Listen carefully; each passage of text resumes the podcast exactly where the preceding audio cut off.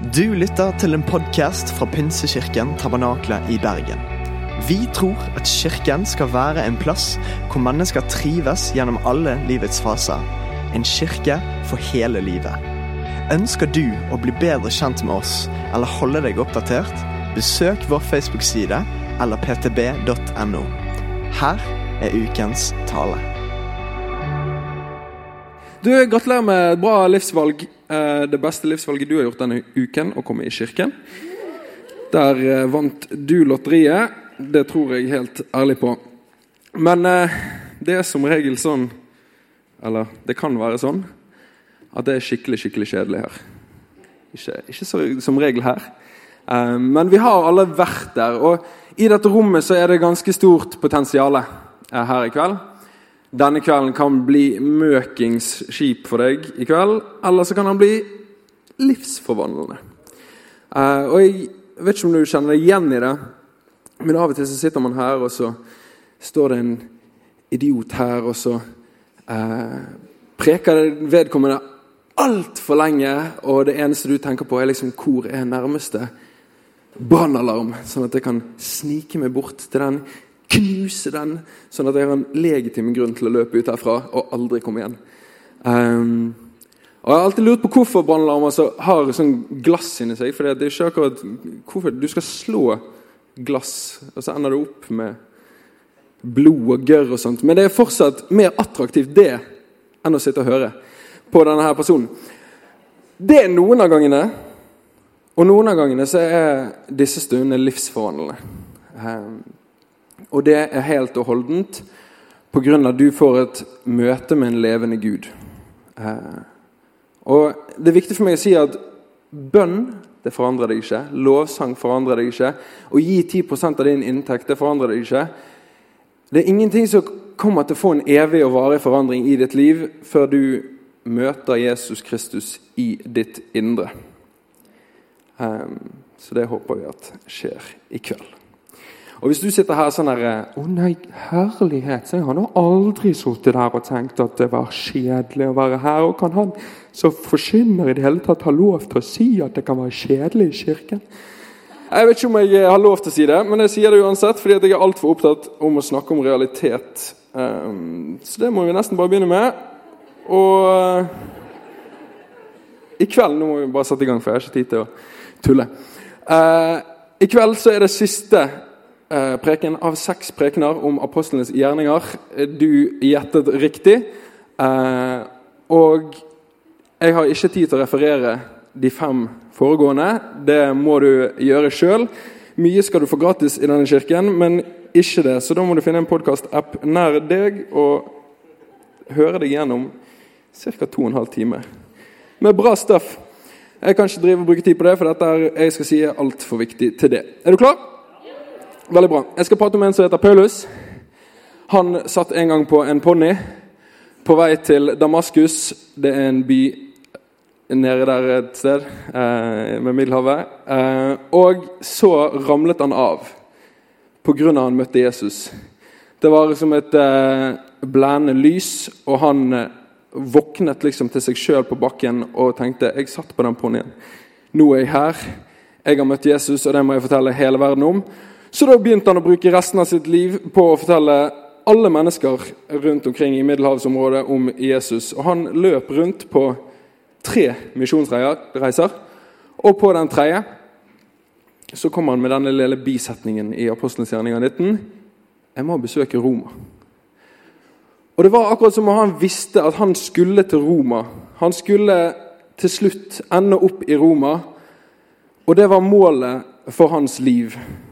Og det bruker han ca. seks år på. Og han bruker ca. ti kapitler på det. Eh, så når vi er kommet helt til det siste kapittelet i Apostlenes gjerninger 28, så er han kommet til Roma. Men reisen hans dit den var ikke straight forward. Den var full av galskap. Høydepunktene er at han drar et sted. Der er det en sammensvergelse, og sammensvergelse er et bibelsk ord for gangstere. Eh, som sa han skal vi drepe, for det der det kan ikke vi ha noe av her. Så han løp tilbake igjen et annet sted, og så eh, en kveld så prekte han såpass lenge at det var en gutt som falt ut av vinduet fordi han sovnet fordi han kjedet seg sikkert på prekenen til Paulus. Han ramlet ned flere etasjer, døde, men det gikk greit, for Paulus gikk ut, ba for han, og han overlevde. Og så kom han i prat med noen andre som sa sånn Hva enn du gjør, Paulus, ikke dra til Jerusalem. Der tror jeg at du kommer til å bli bundet, og at folk kommer til å hate deg. Så han tenker da går vi til Jerusalem. Han drar til Jerusalem, blir fanget, bundet, og folk sier 'Vi hater deg. Vi har lyst til å drepe deg.' På et punkt så står liksom en hel by og sier 'Drep ham. Drep ham.' Og han må bli båret vekk av romerske soldater for å få han i trygghet. Så kommer han inn i den borgen der de skal få han i trygghet, og så sier han Kunne jeg fått lov til å gå ut igjen der og bare si noe til de folkene? Altså, Hvilket menneske er det der en hel by har lyst til å ta livet av deg, og du bare sånn Kan jeg få lov til å gå ut igjen til dem? Og så leverer han et budskap som fører enorme mengder til Jesus. Og så får han høre om en ny sammensvergelse, en gjeng med gangstere. og Nå er det 40 gangstere, 40 mann, som har sagt at vi skal ikke spise noe før han er død.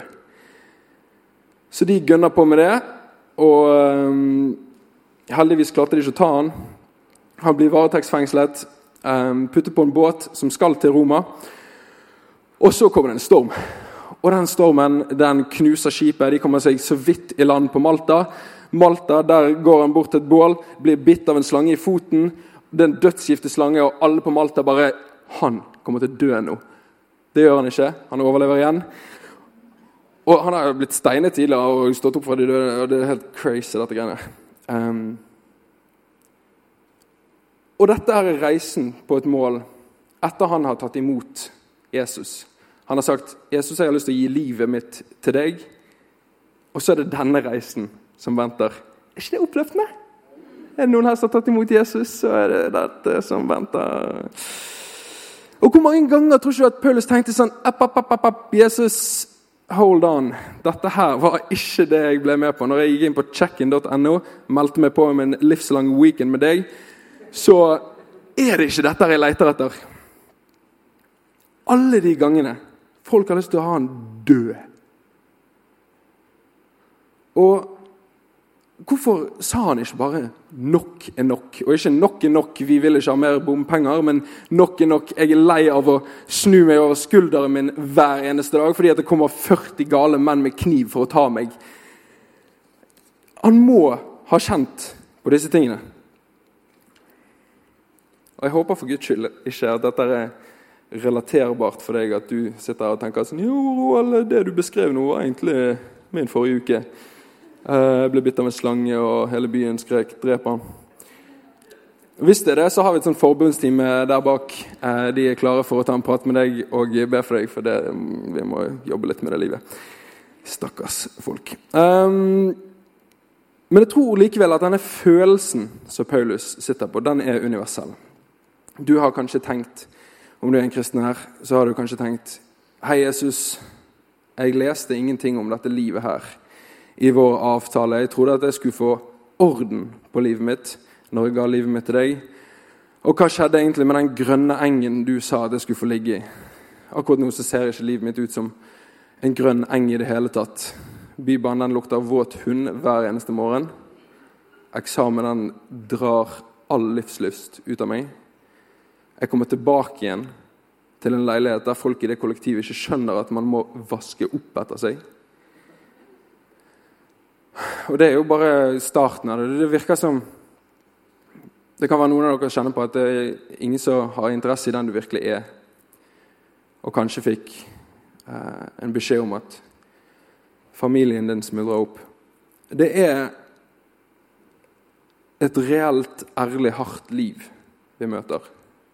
Og det er ingenting med det livet som roper at 'jeg, livet med Jesus er bare fylt av glede, fred og sinnsro'. Men likevel så ser vi en Paulus som fortsetter. Etter liksom hele byen drar etter han for å kverke han. Så ser vi en Paulus som står opp hver eneste dag, går ut døren, knuser hverdagen i trynet og fullfører alle de kapitlene fram til han kommer til det målet som han vet at han skal til. Og Det er pga. Paulus har forstått en sannhet som vi trenger å forstå. Og når jeg skulle tenke over hva jeg hadde lyst til å kalle denne preken, så falt jeg på at det er kun én vei som fører til Rom. Dere har kanskje hørt uttrykket at alle veier fører til Rom. Men det er det ikke. For den eneste veien for Paulus å komme til Roma, det var gjennom alt mulig drit. Og det kommer det kanskje til å være for deg òg. Det er dager der du har lyst til å legge deg ned og grine, og til og med følge noe du ikke vet er rett, fordi at det er bekymringsløst. Um, Istedenfor å reise deg opp og følge den veien som du vet er riktig, så ønsker du å følge en usann vei. Til et mål du ikke, som du vet at du ikke vil til, istedenfor å ende opp der du egentlig vil, men må gå gjennom hele livet for å komme, igjen, komme dit. Og Jeg vet ikke hvor du skal, jeg vet ikke hva som er ditt Roma, men det kommer til å møte utfordringer og Gud han kaller deg til å stå opp av sengen, gå ut av døren og knuse hverdagen i trynet. Hvert eneste kapittel helt fram til du kommer til det stedet du vet du skal. Og hør på dette. Når han kommer til Roma, så skriver han dette til noen kristne i en by som heter Filippi, i Filipperbrevet kapittel 1, vers 29 og 30. Dere fikk den gave Gave ikke bare å tro på Kristus, men også å lide. Lide for ham. Dere står i den samme kamp som dere før har sett meg kjempe, og nå hører dere at jeg fremdeles står i den. Og Dette her er helt sinnssykt å si til norske mennesker i millennialgenerasjonen. Altså, vi Life-lederen min sa nå på onsdag at av alle mennesker i verden så er vi de største drittungene. Og det tror jeg er sant. Altså, vi, vi vil ha alt uten å gjøre noe for det. Og hvis vi ikke får det, så begynner vi å syte. Vi, ikke, vi kjemper ikke for noe. Vi vil bare ha det on demand og med et tastetrykk. Altså, Tenk over det. Og Til og med i vår relasjon til Jesus så er det sånn at vi ønsker at Jesus skal please oss, og vi ønsker at han skal svare på våre bønner, uten at vi trenger å ofre noe for å være med han, eller for å leve vårt liv i hans vilje. Med en gang det blir ubehagelig, så legger vi oss ned og tilber vår treenighet, HBO, Viaplay og Netflix. Og så sitter du her og tenker Yes, han nevnte ikke sumo, så han snakker ikke til meg. Det gjør jeg òg. Og nå tenker dere sikkert på noen andre ting. Ja. Ja, Men helt seriøst. Vi tør ikke å stå i kamper. Vi elsker uforpliktende relasjoner. Vi ønsker alle fordeler alle kan gi oss uten at vi gir noe tilbake. Vi elsker interessert-knappen, for vi har ikke lyst til å forplikte oss til å måtte komme på noe. Og vi elsket den gangen det gikk fra å hete 'kanskje' til 'interessert', for 'interessert' høres så mye bedre ut. Vi har lyst til å gå på håndballaget helt til den dagen der Jeg har ikke lyst til å gå på håndballaget, men noen her har lyst til å gå på håndballaget helt til den dagen der de sier at vi har en sånn dugnadsordning her i håndballaget. Du må være dommer på en kamp i året. Og du bare Nei, hvor melder jeg meg av dette? Og dugnad, som vi har kåret til vårt nasjonale ord. Og Hver gang det er dugnad i borettslaget, så er plutselig alle på hytten på Gol. Og så står det 1-1, lederen for borettslaget, og raker grus. Det er de menneskene vi er. Altså, vi er på toppen i verden av statistikken over tilfeldig sex. Vi elsker å stjele alle godene fra mennesker uten at vi står der når de krever noe av, av oss. Oppløftende budskap, Roald. Yes, veldig bra. Og hvorfor er det vi står der og krever alt av verden uten at verden skal få lov til å kreve noe av oss? Jo, det er på grunn av at jeg bare liksom føler at det blir ikke liksom helt rett for meg sant, å kjempe. Det blir bare ikke liksom, altså Jesus han har jo gjort alt, så da trenger ikke jeg å gjøre noen ting. Eller Det føles på en måte ikke helt autentisk, ekte, å gjøre ting jeg ikke føler for. Fordi at følelsene mine det er på en måte de jeg setter høyest. Ikke det det? Er akkurat sånn at vi ber Vi tror at Jesus han elsker oss akkurat som vi er. Så vi, vi må for all del ikke forandre oss. Fordi da elsker han oss ikke lenger. At han elsker oss uansett hva vi gjør. Det går over. Og Hans nåde det gir oss frelse. Det trenger vi ikke gjøre noe for annet enn å tro. Og Du sitter kanskje her og hører Roald prate om at alt handler om gjerninger. Det gjør det ikke. Frelse det handler om tro. Men så er det faktum at livet ditt det blir fort en sum av dine gjerninger. Og når du er på enden av livet ditt, kanskje i Roma, kanskje et annet sted, så ser du tilbake på livet ditt, og så er du der du er pga. alle valgene som har ført deg dit.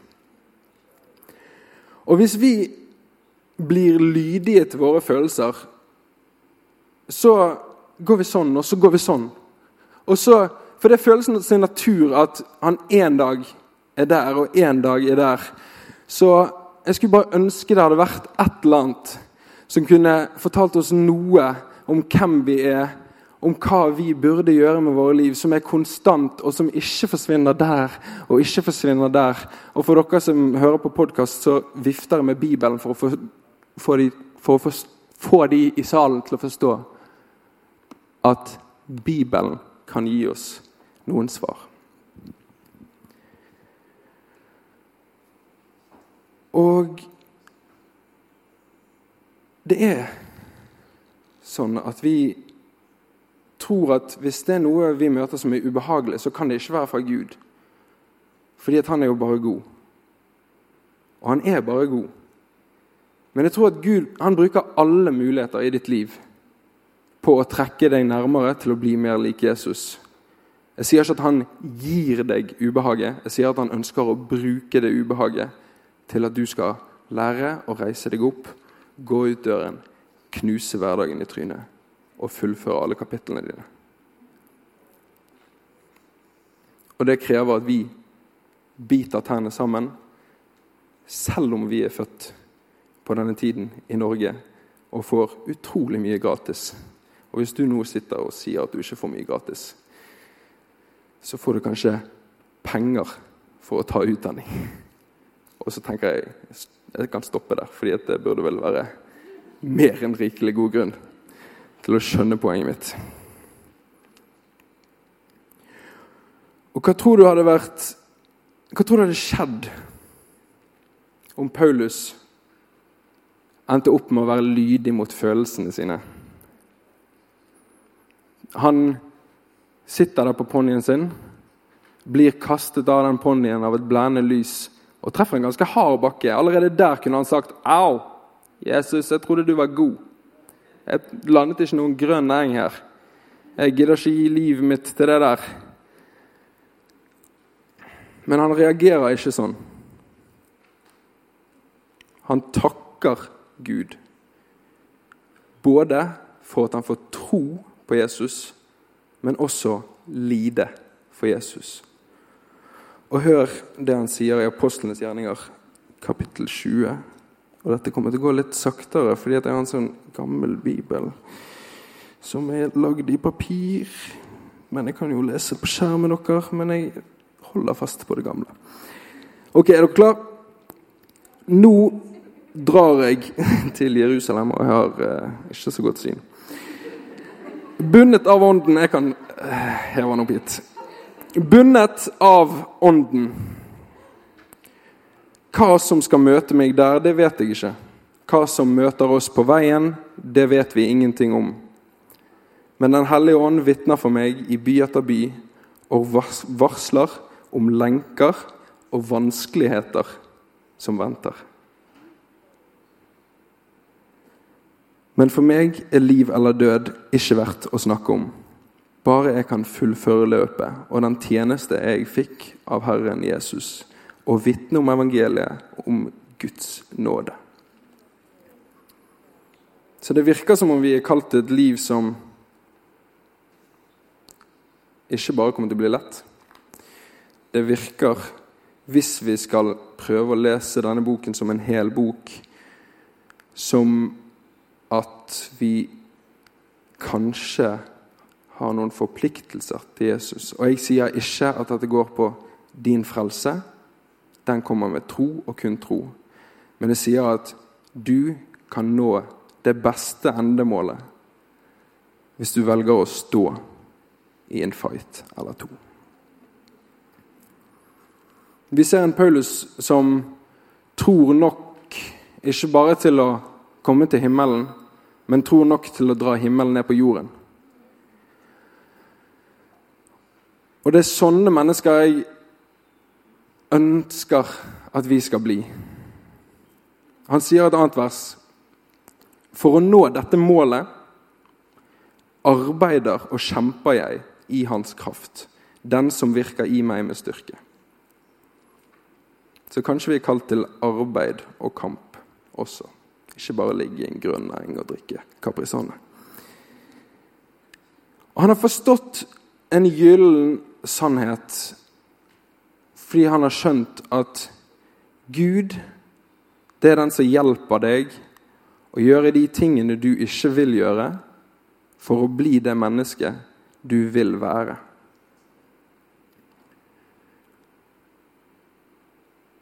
Han kommer til å hjelpe deg til et endemål du vet at du vil til, men du må gå gjennom livet for å komme dit. Og det liv med Jesus, det kommer nok til å by på drit, det også. Og noen ganger så løper kristne rundt sånn nå må vi virke som vi har det bra! Nå må vi se ut som vi har det kjekt! Fordi at gled deg alltid i Herren. Eh, og det leder mennesker til en feilslutning da, av at hvis man tar imot Jesus, så kommer alt til å gå bra. Da kommer stormen til å senke seg. Og da kan jeg bare cruise inn mot Roma. Men det skipet du sitter i, det er kanskje en storm som kommer til å knuse det skipet. og Så kommer du i land, og så blir du kanskje bitt av en slange. Og jeg snakker ikke til mennesker rundt Middelhavet, så det er kanskje litt fjerne eksempler, men dere skjønner at det er metaforer. Livet er ikke perfekt med Jesus, men Jesus er perfekt. Og han inviterer oss nærmere et endemål som du vet du vil til. Og du sitter kanskje der mange ganger i livet og tenker at dette her var ikke det jeg skrev under på. Dette var ikke en del av vår avtale. Og hva er det som fører deg til den konklusjonen? Vi må kanskje lese litt mer i avtalen. Jeg viftet med Bibelen igjen til de som sitter på podkast. Man må få med seg de òg. Stakkars, de sitter der på bussen og så tenker de, hva han driver med? Denne boken det er helt og holdent en bok som forteller deg om relasjonen mellom deg og Jesus. På utrolig mange rare måter noen ganger men så utrolig ærlig og helt. Den skisserer ikke at alt blir fryd og gammen. Men nå lever vi i en brutt verden, og vi må stå opp og ta noen fighter. Hvordan gjør vi dette? Vi står i kampen. Det er den eneste veien til det endemålet, det at vi blir stående. Vi har verdens største herre i ryggen. Og så krever det at vi ikke flykter til 'designator survivor, survivor of House of Cards' eller noe sånt. Dere, Det er navnet på serier til dere som ikke skjønte det fordi at jeg ser bare på Friends. Sånne gamle ting. Vi kan ikke flykte til det når vi møter på utfordringer. Jeg sier ikke at det er feil å se på Netflix. Jeg sier bare at det ikke er riktig. Neida. Uh, nei vi Netflix er vel og bra, men hvis det gjør at vi flykter fra vår realitet, hvis det gjør at vi legger oss ned i sengen og har lyst til å sette livet på pause, så er det kanskje en liten wake-up call på at du bør jobbe litt med det livet du ønsker å sette på pause. Det krever mye av oss. Det er heavy. Jeg vet det. Ikke, ikke feilkoble disse tingene her, for nå snakker jeg om livet og ikke frelsen. Nåden, den står uansett hva. Det krever ikke at vi klarer ting. Men hvis vi har lyst til å ende opp i Roma, eller det stedet du vil, så vet du at du må kjempe for det. Det er logisk. Og Møter vi på ting som blir for store for oss sjøl, da samles vi. Jeg er glad for at du har gjort det i kveld. Jeg håper du kommer til å gjøre det på en onsdag i en live-gruppe. For det å samles, det å dele dette livet, dele disse nedturene, og oppturene med noen andre og stå i det sammen. Det er overalt i apostlenes gjerninger. Det står 'sammen og samlet' hele tiden i de kapitlene. Fordi at vi klarer ikke å takle livet alene. Og med en gang du tror at du gjør det, så ender du opp på bakken igjen fordi at du har blitt slått ned av noe du ikke så komme.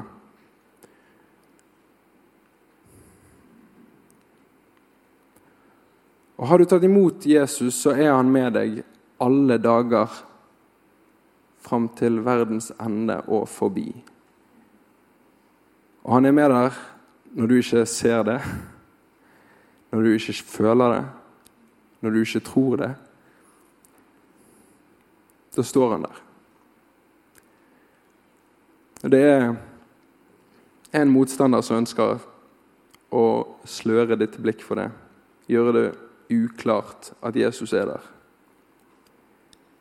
Da hjelper det å samles og få høre noen sannheter fra noen andre. Det hjelper å søke de sannhetene sjøl. Mm. Hvis du fortsatt tenker men hvordan ser dette ut i hverdagen min, så inviterer jeg deg til Life ikke nødvendigvis til min life, det blir litt mange. Eh, men eh, gå bak der og, og finn en life-gruppe, sånn at du kan ta det som du hører på en søndag, og putte det inn i en uke. Du er ikke her for å bli underholdt. Dette her er ikke Netflix. Dette skal applikeres.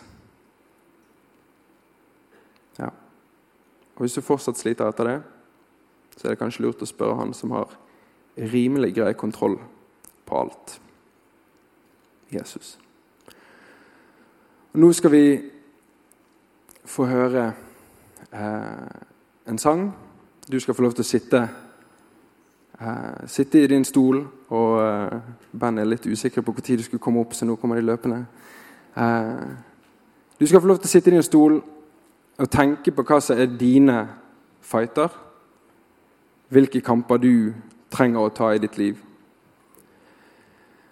Jeg ba om at vi kunne synge denne sangen her, at den teksten den er helt rå.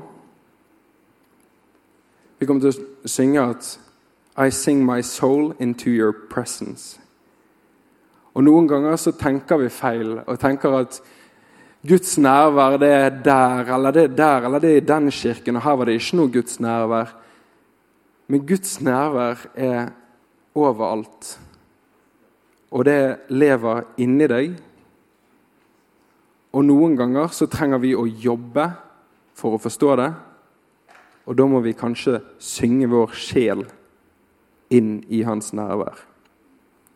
Det krever litt fighting. Jeg håper du er klar for det. Og så er min bønn at, eh, at vi leter etter disse tingene i vårt eget liv sånn at vi kan kjempe sakene Både for vår egen del, men også for våre venner som ennå ikke kjenner Jesus. Mm. Så jeg eh, takker deg, Jesus, for at du lever i oss som en kirke. Jeg eh, ber deg om at du skal holde oss oppe gjennom livet når det er hardt å stå opp. Sånn at vi kan finne veien fram til det endemålet som du ønsker, og som vi vet at vi egentlig har lyst til å være i. Jeg ber deg om at du skal være med oss på hvert eneste steg på den veien. Om vi faller, så hjelp oss å reise oss opp igjen og gå de stegene som kreves for å komme dit du vil. Amen.